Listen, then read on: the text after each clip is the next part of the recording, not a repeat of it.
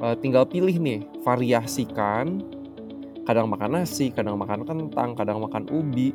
Nah, yang perlu kita tahu itu adalah takarannya atau serving size-nya, teman-teman, atau penukar ya kita sebut.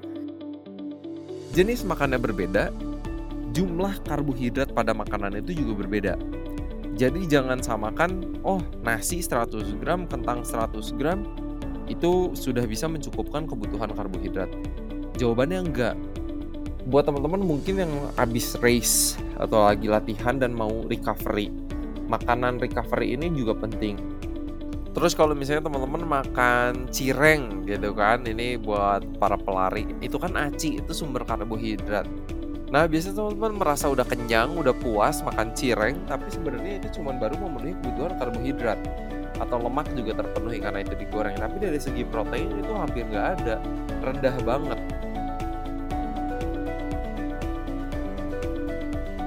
Halo semuanya, selamat datang lagi di podcast Sehat Seutuhnya season yang kedua bersama saya Bilonas. Kita di episode Nutrisi buat Pelari part yang kedua. Semoga teman-teman udah mendapatkan sedikit insight dari part yang pertama. Di part yang kedua ini kita akan mungkin lebih praktikal ya, supaya teman-teman kebayang.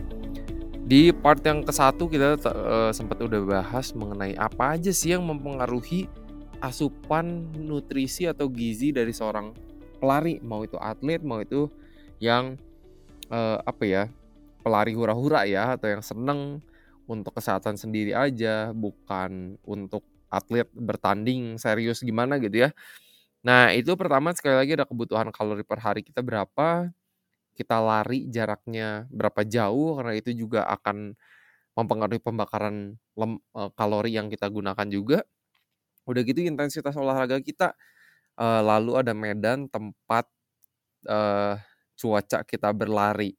Ya, kayak di Bandung sama di Jakarta ini mengenai hidrasi atau mengenai asupan cairan ini akan berbeda. Nah, kita mau bahas lebih dikit mungkin aku juga udah bahas sebelumnya bahwa rata-rata biasanya disarankan ya kisaran ini buat orang pelari maupun orang sehat itu kira-kira komposisi makanan kita itu seperti antara 50 sampai 65 70% itu dari karbohidrat, udah gitu dari uh, protein itu sekitar 10% udah gitu dari lemak 20 sampai uh, 25%. Nah, ini atau sampai 30% ya, tergantung komposisi yang kita mau capai.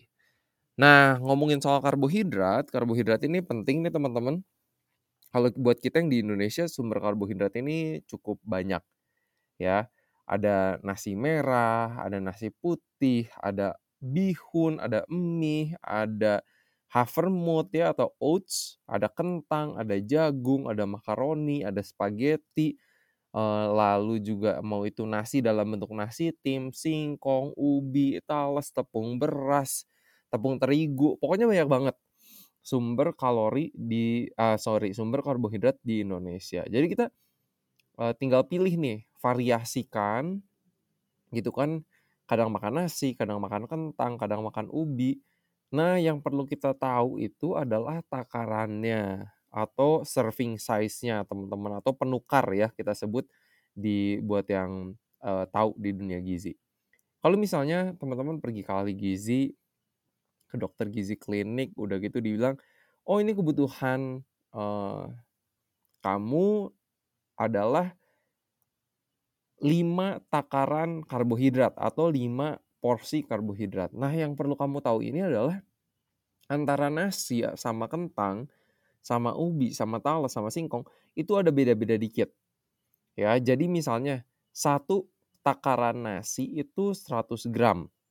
Tapi kalau itu dalam bentuk kentang itu jadi 210 gram, sekitar 2 biji yang berukuran sedang. Lalu kalau misalnya teman-teman makan dalam bentuk ubi, satu penukar ubi itu sekitar 135 gram atau satu biji.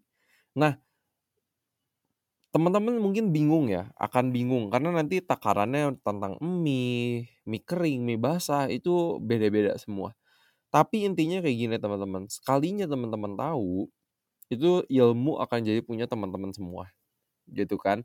Contoh ya kalau misalnya ini dalam bentuk havermut ini 45 gram atau sama dengan 5,5 sendok makan itu udah satu penukar karbohidrat kalau menggunakan Havermut. Jadi yang teman-teman perlu ketahui adalah kayak gini.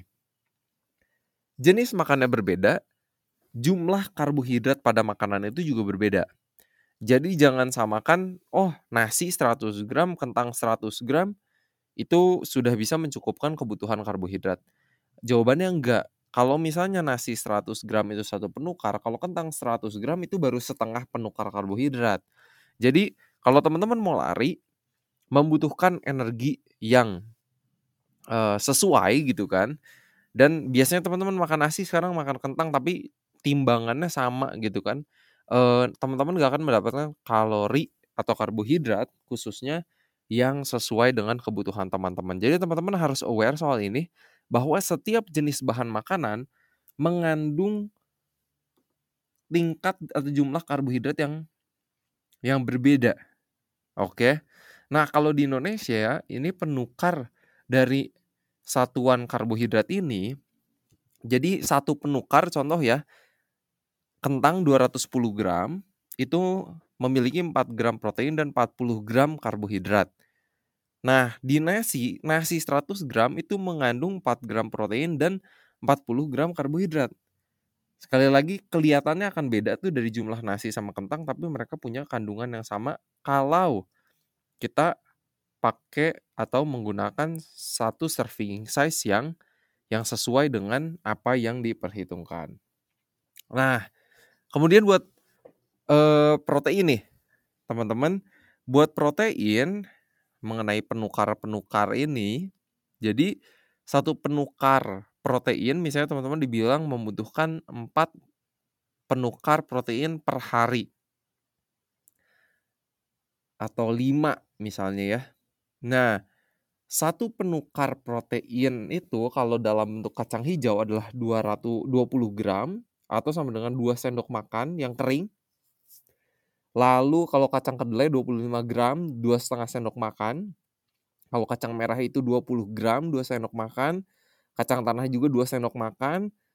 Uh, tahu itu di 110 gram atau satu biji yang besar mungkin yang teman-teman yang merek Yuni atau yang tahu tauhid itu semua satu biji besar itu satu porsi uh, tempe itu 50 gram atau dua potong sedang itu dianggap satu penukar protein. Jadi teman-teman ketika teman-teman misalnya makan tempe mendoan atau misalnya tahu sumedang.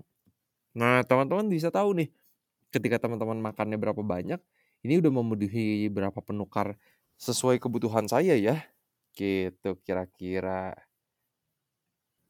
Terus misalnya buat teman-teman yang misalnya masih mengkonsumsi uh, makanan hewani, contohnya satu penukar protein kalau ayam tanpa kulit 40 gram atau satu potong yang sedang itu satu penukar protein. Udah gitu ada ikan 40 gram juga sekitar 1 per 3 ekor sedang.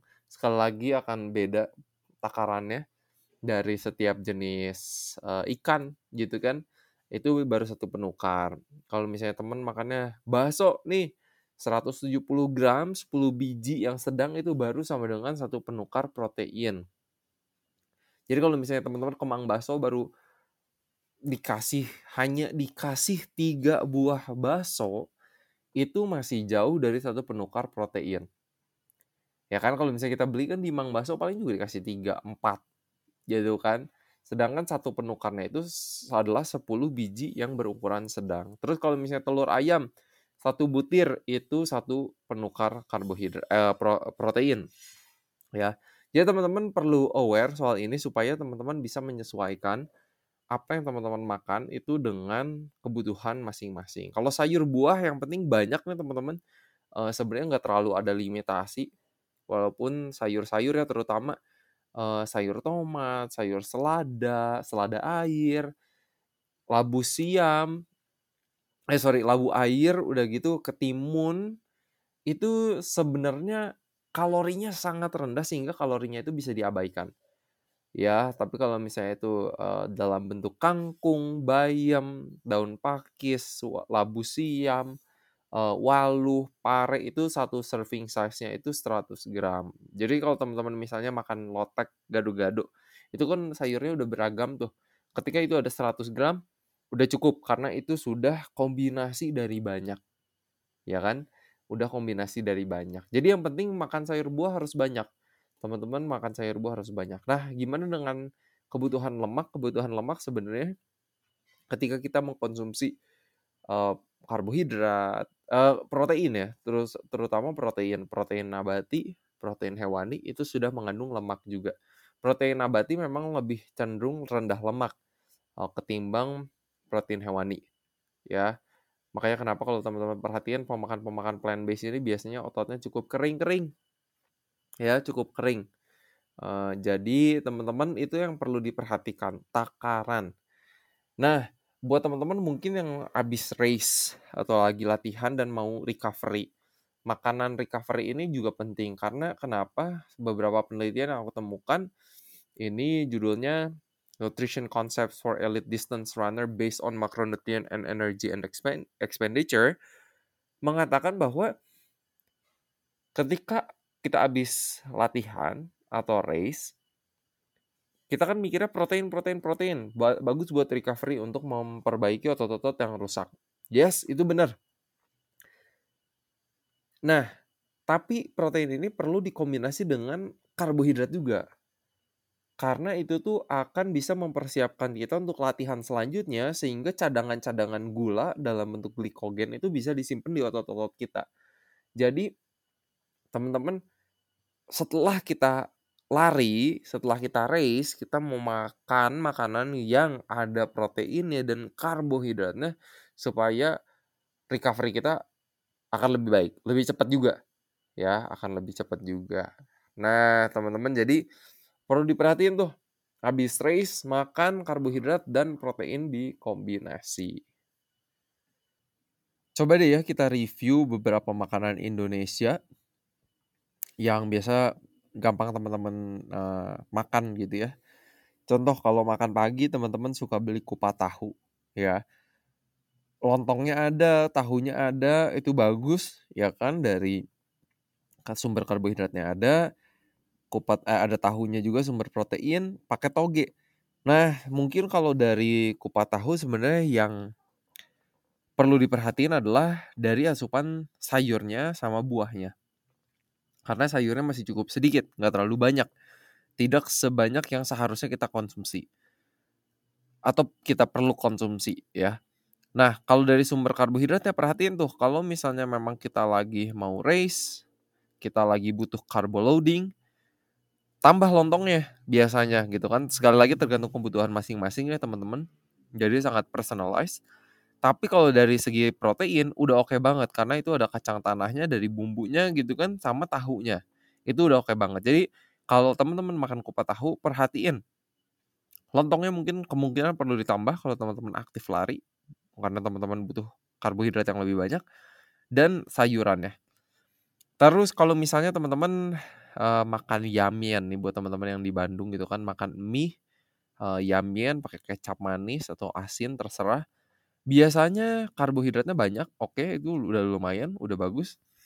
Tapi downside-nya ini biasanya dari proteinnya juga kurang. Ayamnya misalnya cuma ayam suwir. Ini kan gak terlalu banyak nih proteinnya dibandingkan apa yang teman-teman butuhin. Jadi lebih perlu diperhatiin juga itunya. Udah gitu sayur misalnya cuma ada seledrinya aja atau enggak kuahnya, kuah baksonya misalnya dikasih uh, sayuran. Itu lumayan ada sayurnya gitu. Tapi juga sekali lagi proteinnya perlu diperhatiin. Ya kan karena proteinnya cuma dikit tuh. Suiran ayam. Jadi sayurnya perlu ditambah. Udah gitu juga proteinnya perlu diperhatiin. Uh, mie mungkin mie-nya cukup ya. Uh, karena mie-nya biasanya yang yang utama. Kalau teman-teman sarapan nasi kuning misalnya, banyak ya di kota-kota di mana-mana pagi-pagi beli sarapan apa nih nasi kuning. Ada nasinya oke, okay, itu sumber karbohidrat udah gitu. Ada soun biasanya gitu kan, ada mie-nya juga, itu sumber karbohidrat lainnya. Ada tempe kering, uh, itu sumber proteinnya, tapi ada kentang mustafa biasanya. Nah ini juga sumber karbohidrat yang lainnya uh, terus terserah uh, ada yang pakai telur ada yang nggak pakai telur itu juga sumber protein uh, tapi biasanya nasi kuning nih sayurnya yang kurang nih karena sayurnya biasanya cuman timun 2 potong, eee, tomat 2 potong. Jadi teman-teman perlu perhatiin asupan sayurnya juga. Ya. Nah, udah gitu breakfast apa lagi ya? Kalau misalnya teman-teman makan bubur kacang ijo. Bubur kacang ijo salah satu breakfast juga, eee, itu sumber protein walaupun karb eee, protein nabati ini juga cukup banyak mengandung karbohidrat, tapi, eee, banyaknya protein. Jadi teman-teman perlu perhatiin juga tuh misalnya teman-teman makannya, eee, pakai apa ya bubur kacang ijo sumber karbohidratnya ada pakai ubi rebus misalnya atau ubi cilembu, nah itu bisa. Eee, tinggal perhatian asupan buah sama sayurnya juga supaya semakin lengkap. Terus kalau misalnya teman-teman makan cireng gitu kan, ini buat para pelari, itu kan aci, itu sumber karbohidrat. Nah, biasanya teman-teman merasa udah kenyang, udah puas makan cireng, tapi sebenarnya itu cuma baru memenuhi kebutuhan karbohidrat. Atau lemak juga terpenuhi karena itu digoreng. Tapi dari segi protein itu hampir nggak ada, rendah banget. Eee, bahkan bisa seperti kayak bisa diabaikan ya. Jadi buat teman-teman, eee, kalau misalnya makan bala-bala, suka dianggap juga udah ad ada sayurnya gitu, tapi itu terlalu dikit ya sebenarnya dari kebutuhan kita. Tapi sekali lagi itu dari tepung-tepungan, itu sumber karbohidrat, dari proteinnya, eee, kurang. Kecuali kalau misalnya makan bala-balanya pakai bumbu kacang gitu, itu ada lumayan tuh ada sumber proteinnya. Makan pisang goreng sama ya, itu buah, itu sumber karbohidrat, digoreng ada lemaknya tapi proteinnya sangat sedikit.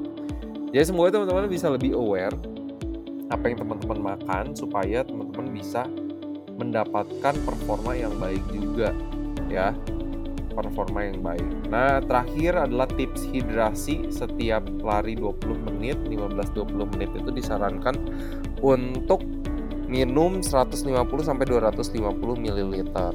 Ya, kira-kira per jam sih sekitar 450 sampai 700 ml air itu sarannya terutama juga uh, ketika kita lagi race.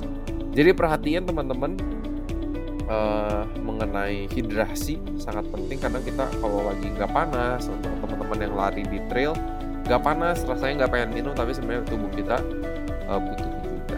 Jadi itu mungkin teman-teman yang perlu kita perhatiin dari kira-kira komposisi makanan kita seperti apa.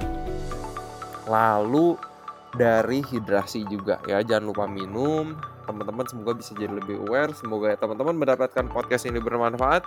Uh, mohon maaf atas segala kekurangannya. Seperti biasa harapan saya semoga kita sehat seutuhnya